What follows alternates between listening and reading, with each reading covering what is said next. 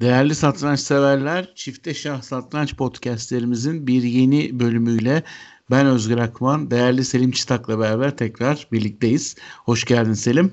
Hoş bulduk Özgür, merhabalar. Evet, bugünkü konumuz aslında hem satranç dünyasını hem de satranç dışında e, bilim dünyasını, teknoloji dünyasını, bütün insanlığı ilgilendiren bir konu.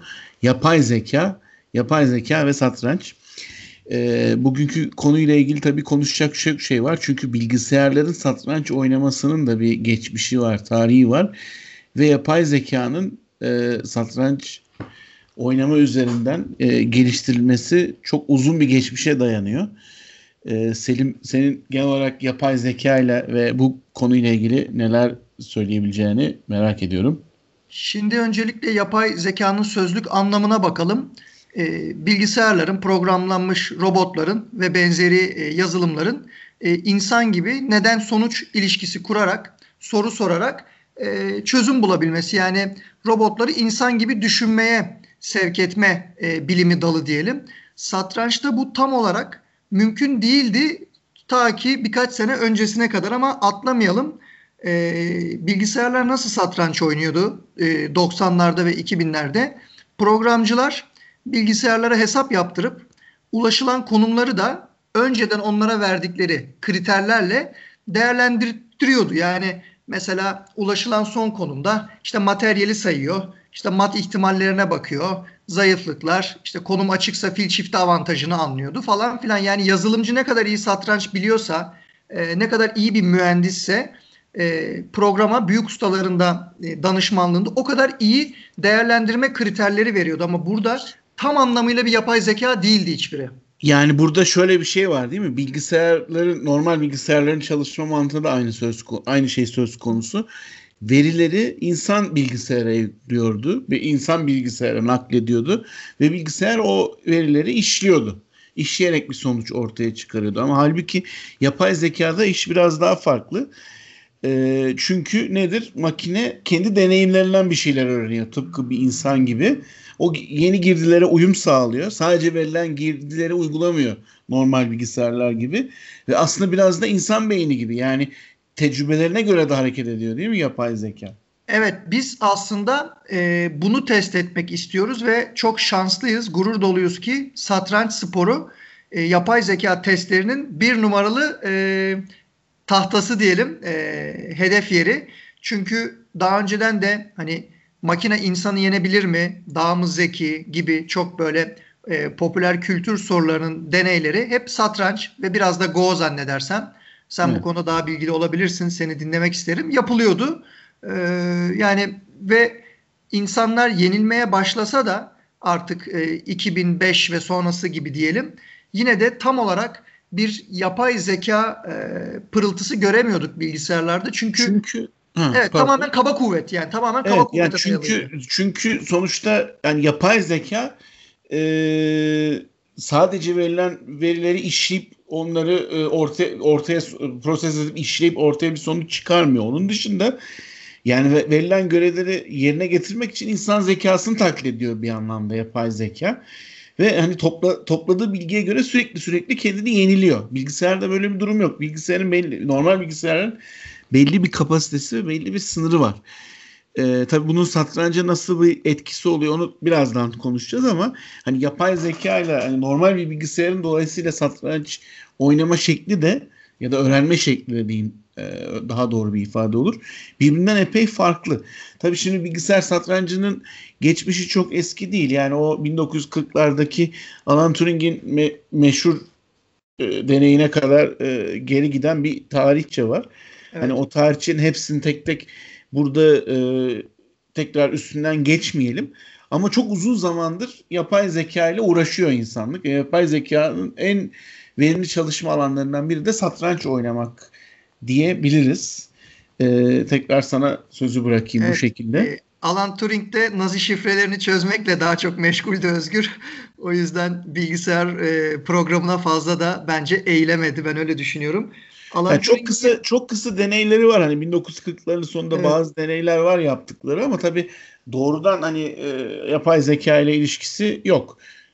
Evet ama yani o robot mesela satranç oynayabiliyordu. Legal hamleler yapabiliyordu. Evet. Daha sonra bilgisayarlar giderek kuvvetlendiler.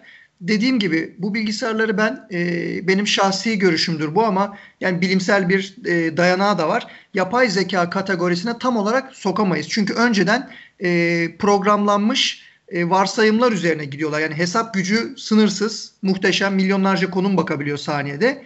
Peki Ulaştığı o zaman konum... hani ben de sana şöyle sorayım. Ee, hani bilgisayarlar nasıl satranç oynuyor? Nasıl çalışıyor bilgisayarlar? Hı. Nasıl yaklaşıyor satranca? Şimdi, Biraz onun mantığını anlatabilir misin? Konum konumu görüyor, tüm legal hamlelere bakıyor ve her iki taraf içinde yaptığı her hamleden sonra bir konum değerlendirmesi yapıyor. Bu konum değerlendirmesini her hamlede yineliyor ve her iki taraf içinde game teori yani oyun teorisi bazında en iyi olduğunu düşündüğü tırnak içinde hamleyi yaparak ilerliyor ve bir varyant ağacı oluşturuyor. Şimdi biz insanların algılarının çok dışında bir hesap gücü ve bir varyant ağacı var. Yani bizim e, normal bir oyunda hesapladığımız varyant ağacı mesela bir nasıl diyeyim böyle basit bir yonca ya da bir e, kaktüs gibiyken onlarınki yani böyle balta girmemiş Brezilya ormanlarındaki nasıl diyeyim artık botanik bilgim yetmeyecek Özgür çok karmaşık bir bitkiye benziyor. Sonu evet. yok.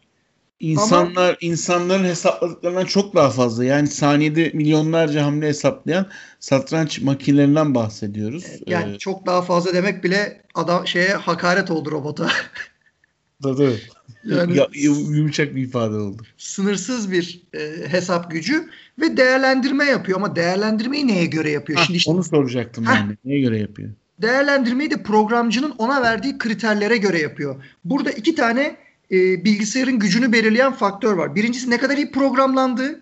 Bunlar işte çok e, uzman büyük ustalar e, onlara e, kriter giriyor. Mesela piyon zayıflıklarına 0.07 puan. İşte materyale şu kadar puan. Şah zayıflığına şu kadar puan. Direkt işte Karpov'un değerlendirme tablosunu düşün mesela. Herhalde öyle bir e, değerlendirme kriteri yapıyorlar. Bu kriter ne kadar yerindeyse, ne kadar nokta atışıysa bilgisayarda o kadar doğru konumu anlayabiliyor. Gene tırnak içinde nasıl anlasın? Ama yani burada şöyle bir şey söyleyebiliyoruz sanıyorum. Yani bilgisayar programı, satranç programını hazırlayan programcı kişinin e, verdiği verilere göre ki bunlar da aslında o zamana kadar var olan satranç bilgilerine dayanıyor. Yani usta oyuncuların yazdıkları kitaplar işte pozisyon değerlendirmesi nasıl yapılır?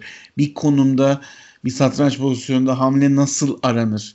Nasıl hesap yapılır? Aslında bunlara dayanan şeyler esasında. Kesinlikle, kesinlikle ve bu şekilde yolunu bulmaya çalışıyor. Ama satranç çok derin bir oyun olduğu için e, hatta ben daha önce bir makalede de yazmıştım. E, benim makalem değildi, alıntıydı.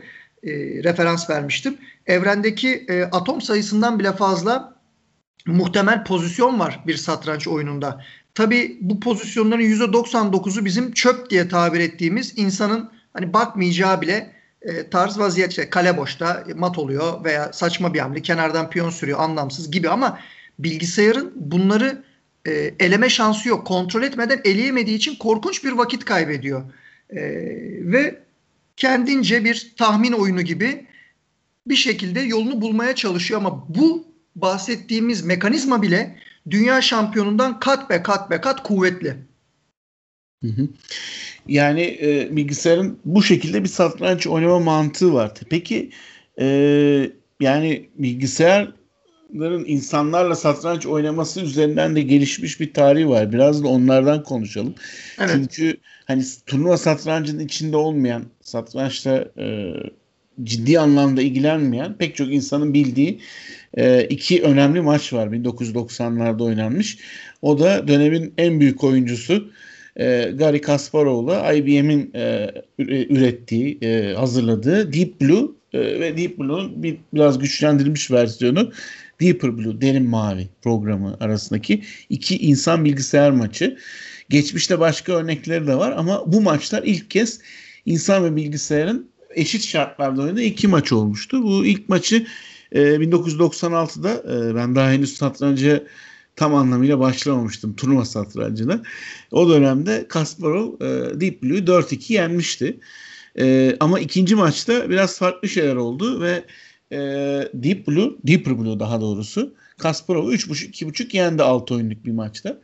Ve bu oyunlarda e, tabii bazı şeyler yaşandı. İstersen e, oyunların teknik ayrıntılarından genel hatlarıyla sen bahset.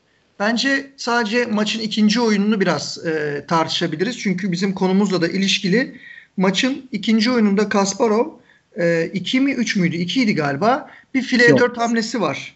E, çok önemli değil hamlenin teknik detayı ama normalde insanın e, mesela Karpov gibi bir oyuncunun yapabileceği böyle konumsal anlayışı çok yüksek. Peki bu nasıl ayırt ediyorsun sen bu insan hamlesiyle bilgisayar hamlesini? Bilgisayar hamlesi ya o dönem için farklı bu dönem için farklı düşünmeliyiz. Artık bilgisayarlar o kadar kuvvetli ki e, yani yaptığı hamlelerin %99 en iyi olduğuna inanıyorum ama o dönem Kasparov daha kuvvetliydi. Ama şöyle kategorize edebiliriz. Ee, insanlar belli başlı satranç prensiplerine göre e, hareket ederler ve hamle ararlar. Yani e, mesela şahının önünü iyi olduğunu düşünse bile kolay kolay zayıflatmaz. Çünkü sonrasında başına neler gelebileceğinden çekinir. E, materyal kazancı görse de mesela şahının önünü asla zayıflatmaz ama bilgisayar materyali kazandığını görür. 15 hamle hesaplar, mat olmadığını görür. Son konumu da 16. hamledeki konumu da kendine iyi değerlendirir. Korkusu yoktur, çekincesi yoktur, yorgunluk yoktur, zaman baskısı yoktur. Oynar yani. Bu bilgisayar hamlesidir. Yani evet, e, yani ben de belki daha genel olarak şöyle tanımlayabilirim. İnsan gözüne mantıklı gözüken e, satranç oyuncularının gözüne mantıklı gözüken bazı estetik duran yani daha çok geometrik olarak güzel gözüken hamleler e, bilgisayarlar tarafından tercih edilmiyor. Çok daha garip insan insanın algısının insanın satranç tahtasındaki geometrik anlayışın dışına çıkan hamleler de mümkün olabiliyor. Bunlar tabii senin de anlattığın gibi bazı e, yani yüzyıllardır satranç oy, oyunun te- kuramında yer alan o bazı ilkelere aykırı olabiliyor. Örneğin şahın önündeki piyonları sürmek veya taşları insanların normalde alışkın olmadığı yerlerden oyuna sokma veya bir şeyler yapma.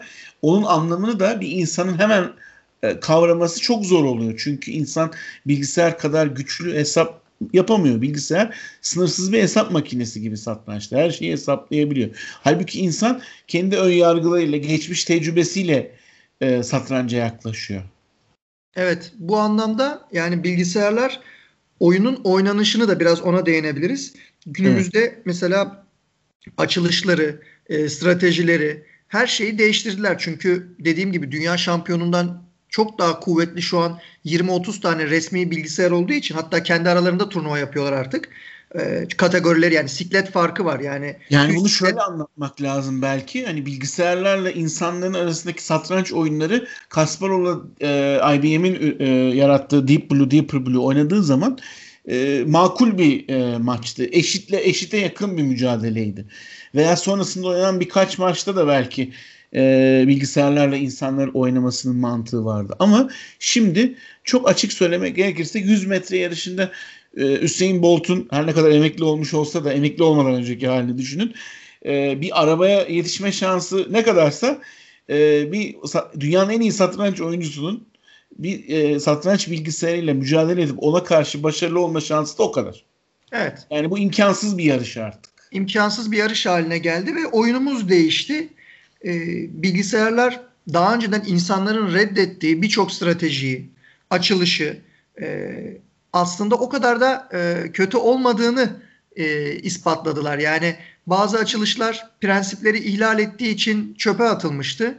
Ama bilgisayarlar dediler ki yok bu o kadar da kötü değil. Bak burada işte 8 hamlelik bir varyant var. Sonunda işte şöyle bir konuma ulaşıyorum. Hafif kötüyüm ama berabere yapabiliyorum örneğin gibi veya başka imkanlara e, işaret ettiler. Yani insanlar aslında kendilerini eğitmeye başladılar. Yani insanlar derken işte dünyanın en iyi satranç evet. oyuncuları özellikle biraz daha bilgisayar gibi oynamaya, çabalamaya başladılar. Evet ve şimdi bence Alpha Zero hikayesine girmek, Alpha Zero projesini Tabii. açmanın tam vakti. Sen biraz anlatır Tabii. mısın? Şimdi burada yani daha önceden bilgisayarlarla insanlar arasındaki mücadelede insanların üstünlüğü uzun vadeli işte kendileri e, insanlığın tecrübesine öğrendikleri o prensipleri, stratejik ilkeleri uzun vadede daha iyi uygulayabiliyorlardı bilgisayarlardan. Böyle bir iddia vardı ama şimdi yapay zekanın etkisiyle yani yapay zeka için ne demiştik? Kendi kendine eğitebilen, deneyimlerinden sonuçlar çıkartıp e, duruma uyum sağlayabilen bir e, nasıl diyeyim bir bilgisayar tek, bir teknoloji çıktığı zaman bir organizma ortaya, yani. İnsan gibi yani organizma gibi. İnsan gibi aklını kullanmaya başladığı zaman tabii bu stratejik e, ayrıntıları insanların üzerinde durduğu bazı stratejik şeyleri de anlamaya başlayacak e, bir yapay zeka ortaya çıkmaya başladı ve bu e, yapay zekanın e, satranç dünyasına e, böyle bir anda satranç dünyasının ortasına düşmesi, zaten var olan satranç bilgisayarlarını da e, sürüklese etmesi e, Google'ın başlattığı AlphaZero projesiyle oldu. E, bu pro, bu proje ne zaman gündeme geldi? 2017 yılında e, şu an hani insanların da kullandığı hatta her satranç oyuncusunun bizlerin de kullandığı bir satranç makinesi var. Bu satranç makinesi bazı satranç yazılımlarında çalışıyor ve herhangi bir pozisyonu inceleyip hamle önerebiliyor. Yani kendi hesap ne hesapladığını sizinle paylaşabiliyor bir değerlendirmeyle. E, bu satranç makinelerinden yani satranç makinesi derken ne kastettiğimizi de tanımlamış olalım. E, en güçlüsü Stockfish adlı bir program. Bu açık kaynak hatta internette ücretsiz de edinebiliyor. Aplikasyonu bile var. En güçlü e, aynen en güçlü olmayan versiyonu. Tabi akıllı telefonlarda veya tabletlerde de e, uygulamalarını e, gayet edinmek mümkün. E, ama Stockfish şu an dünyanın en, yani daha doğrusu şu an değil ama 2017 yılında dünyanın en güçlü satranç makinesi kabul ediliyordu. E, fakat e, AlphaZero adı verilen Google tarafından e, başlatılan e, hatta 2014 yılı civarı e, hızlanan bir projeden bahsediyoruz. Projenin sonucunda 2017'de bir maç yapıyorlar. AlphaZero adlı e, yapay zeka satranç programıyla. 100 oyunluk bir maç oynanıyor. AlphaZero 28 galibiyet alıyor. 72 oyun berabere bitiyor ve hiç oyun kaybetmiyor. Tabi bu Stockfish iç açısından hiç beklenmeyecek bir durum. Çünkü Stockfish diğer satranç makineleri ciddi bir üstünlük sağlıyor o sırada. AlphaZero yapay zeka ile e, satranç e, e, oynayabilir hale gelen AlphaZero büyük bir üstünlük sağlıyor. Şimdi istersen maçtan biraz daha sen bahset. Ben böyle bir giriş yapmış olayım. Bu şey gibi değil mi Özgür? Mesela uzaydan bir şey geliyor böyle bir yaratık geliyor. Magnus Carlsen'i 5-0 yeniyor falan böyle. 5-0. Daha da kötü. 5-0 hafif oldu. Daha da kötü. Şimdi Peki neyi farklı yapıyor Alfa Zero? Alfa Zero'nun kendisi ne, nasıl nasıl sat, yani satranç bilgileri, satranç verileri Alfa Zero'ya nasıl yükleniyor veya yükleniyor mu? Öyle sorayım. Şimdi sana. şöyle e, Alfa Zero hikayesi aslında benim bildiğim kadarıyla insanlığın faydası için hani robotları, yapay zekayı nasıl kullanabiliriz diye Google tarafından başlatılan bir proje. Asıl e, amaçları mesela şehircilikle ilgili bazı e, çizimler, bazı e, sonuçlar çıkarmak ve bilgisayarın tabii kabiliyetini test etmek için yine ne kadar şanslıyız ki satranca e, merak saldırıyorlar bilgisayarı ve robotu veya artık o yazılımı e, sıfır bilgiyle e, dinleyicilerimiz için buranın altını çiziyorum. Sıfır bilgiyle nete atıyorlar. Ve diyorlar ki git satranç öğren. Yani chess içeriğini öğren. Google'a gidiyor, arama motoruna chess yazıyor kaç saatti? 4 gün mü 4 saat mi? Tam yanlış bilgi vermeyeyim. 32 yani, saat diye biliyorum. Çok uzun bir süre değil kaç? galiba. 34 saat özür dilerim. Tamam yani saat. çok kısa bir süre içerisinde internetteki tüm bilgileri çekiyor. Oynanmış oyunları, kuralları, stratejileri vesaire ve daha sonra kendi kendini eğite eğite eğite eğite e, gelmiş geçmiş en kuvvetli satranç oyuncusu oluyor. Burada önemli olan şey şu. Hiçbir program, hiçbir yazılım yüklenmiyor bunun içine. Daha önceki hikayelerimizi hatırlayın. Ne diyorduk? Bir yazılımcı var, bir büyük usta heyeti var.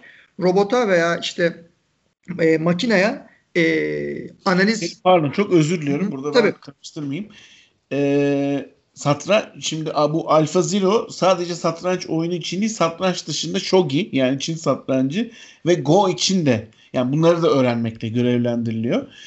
Ve e, satranca 9 saat e, Shogi'ye e, 12 saat yani Çin satrancında 12 saat e, Go'ya galiba daha uzun bir süre 13 gün gibi bir e, süre ayrılıyor. E, ve bunun sıra, bu, bunun sonucunda 3 e, alanda da test ediliyor. Satrançta da test ediliyor tabii diyeyim. Tekrar sana bırakayım sözü. Bizi gene Go ile karşı karşıya getirecekler. Şimdi satranç 8 saatte öğrenilecek bir oyun Go 13 gün mü sürüyor? Yani Go daha az çözümlenmiş bir oyun diyelim bilgisayarlar tarafından. Evet belki de uzak doğu lisanını mı algılamakta zorlandı robot ne oldu bilmiyorum. aman aman bir şey yapmıyorum. Yok, espri yaptım, latife yaptım. Devam ediyorum. Bu anlamda AlphaZero e, yapay zeka tanımına en yakın organizma diyelim. Yani e, yapay zeka ya ne kadar yaklaşabilir bir e, bilgisayar ya da bir e, artık nasıl diyeceğiz o yani. E, bu anlamda AlphaZero bir e, devir açtı yani ve neyi daha iyi yapıyor dersen bu çok zor bir soru. Belki de e, Sadler'ın e, oyun değiştiren Game Changer kitabını daha dikkatli incelememiz lazım. Ona geliriz zaten birazdan. Hani ama evet. satrancı çok hızlı bir şekilde öğreniyor. Ya yani şimdi tabii e, farklı süreler de var. E, sanıyorum ben 9 saat diye kaydettim ama farklı kaynaklarda farklı süreler geçiyor. Tabii bu konuda o Google'ın e, başlattığı o DeepMind projesinin e, ilk başta bu bu ayrıntıları gizli tutmasının da etkisi var. Sonradan bazı makaleler yayınlıyorlar ama henüz ticarileşmiş veya bizim elimizin altında olan bir şeyden bahsetmiyoruz.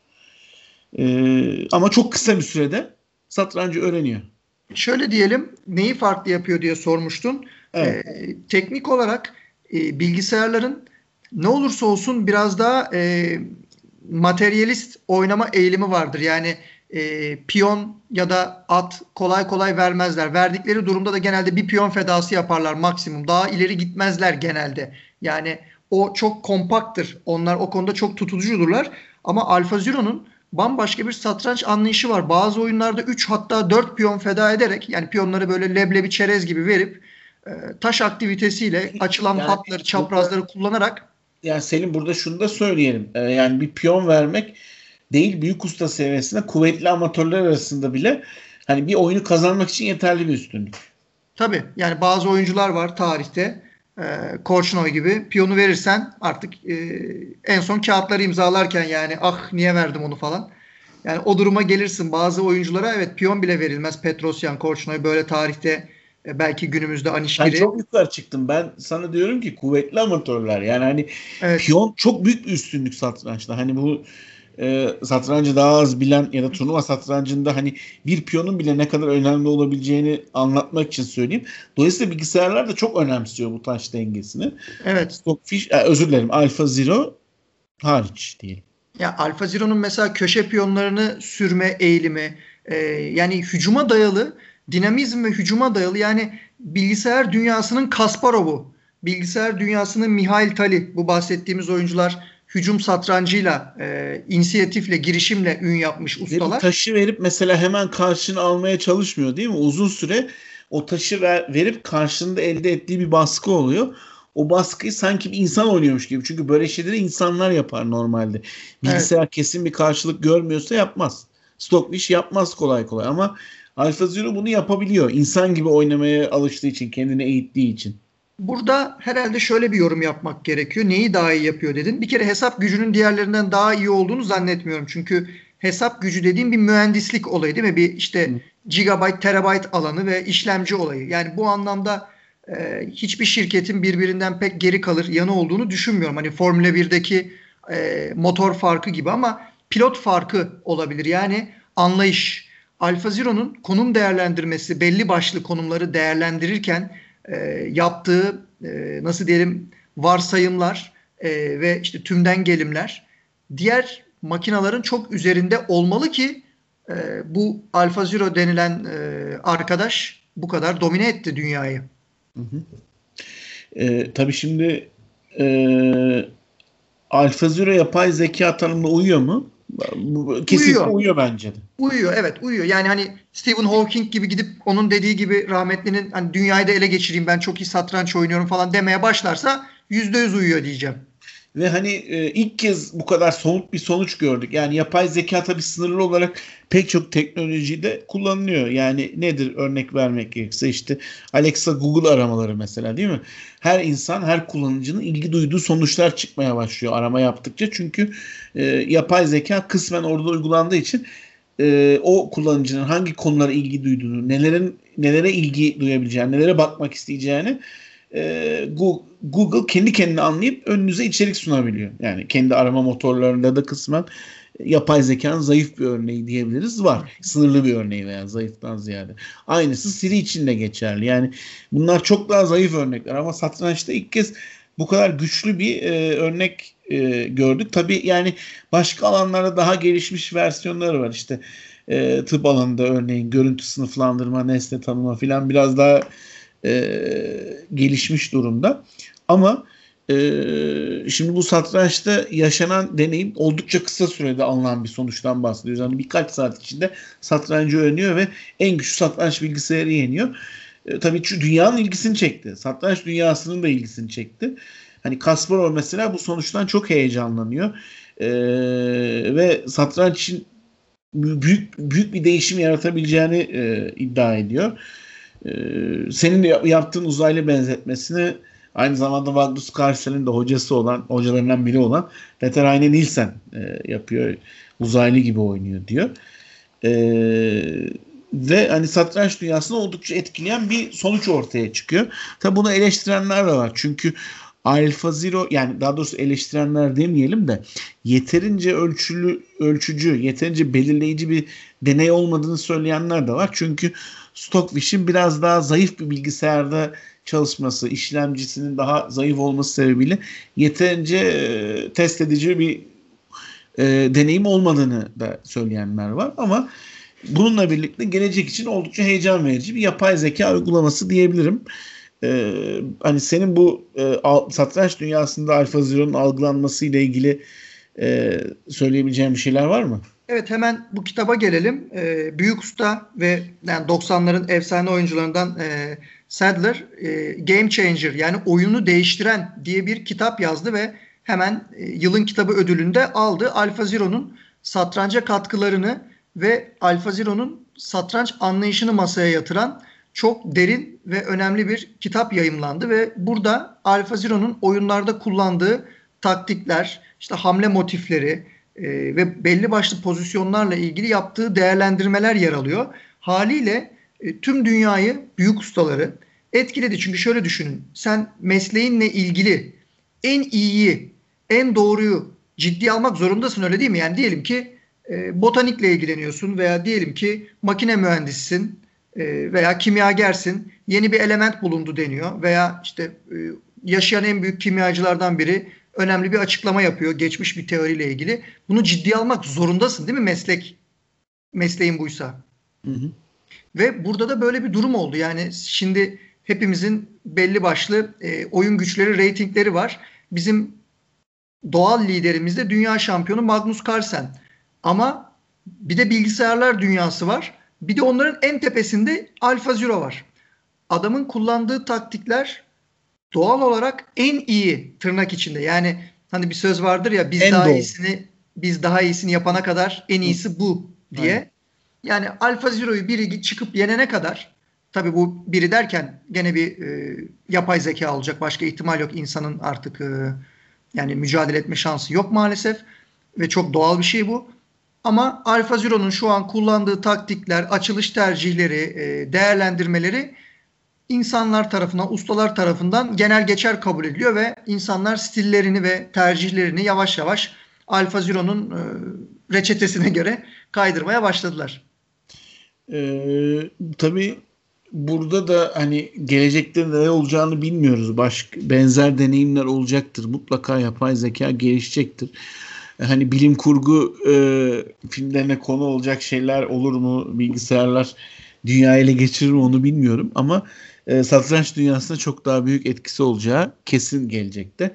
Şimdiden de insanların oynama şeklini hem bilgisayarlar hem de bu son Alpha Zero'nun deneyimi etkiledi. Örneğin Alpha Zero'nun beğendiği açılışların e, daha çok tercih edilmeye başlanması gibi bir durum da söz konusu. İlginçtir.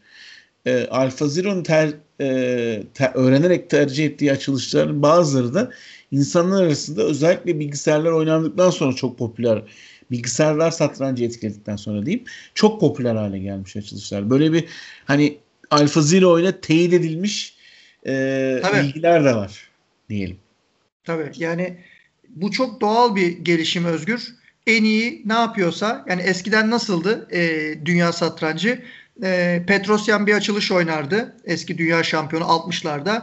Herkes onu oynamaya çalışırdı. İşte ondan sonra e, Karpov Kasparov'un açılışları hemen kulüplerde moda olurdu. Onlardan insanlar feyz alırdı, etkilenirlerdi. Şimdi bu gene var. Ama yani insanların etkilendiği büyük ustaların da şampiyonların da e, feyz aldıkları bilgisayarlar e, çıkmaya başladı. Ama bizim oyunumuz yani son sözüm ben öyle bağlayayım. Bizim güzel oyunumuz e, gene bir tehdit altında değil. Çünkü insanlar kendi aralarında oynuyor. Karpov'un sözüyle ben noktalayayım kendi kısmımı. E, arabalar çıktı ama hala maraton koşuluyor diyor. Evet şüphesiz yani insanlar arasındaki rekabetin e, sürdüğü sürece rekabet sürdüğü sürece satranç oyunu ölmeyecektir diye düşünüyorum. E, bu da bitmeyeceğine göre satrancın da öleceğini e, öngörmek ya da öyle bir karamsarlığa gitmek çok doğru olmaz. Aksine insanlık e, her alanda olduğu gibi satrançta da yapay zekadan beslenecektir diye düşünüyorum. Bugünlük e, Çifte Şah podcast yayınımızın sonuna geldik. Yeni bir konuyla e, tekrar sohbet edinceye dek hoşçakalın. Hoşçakalın.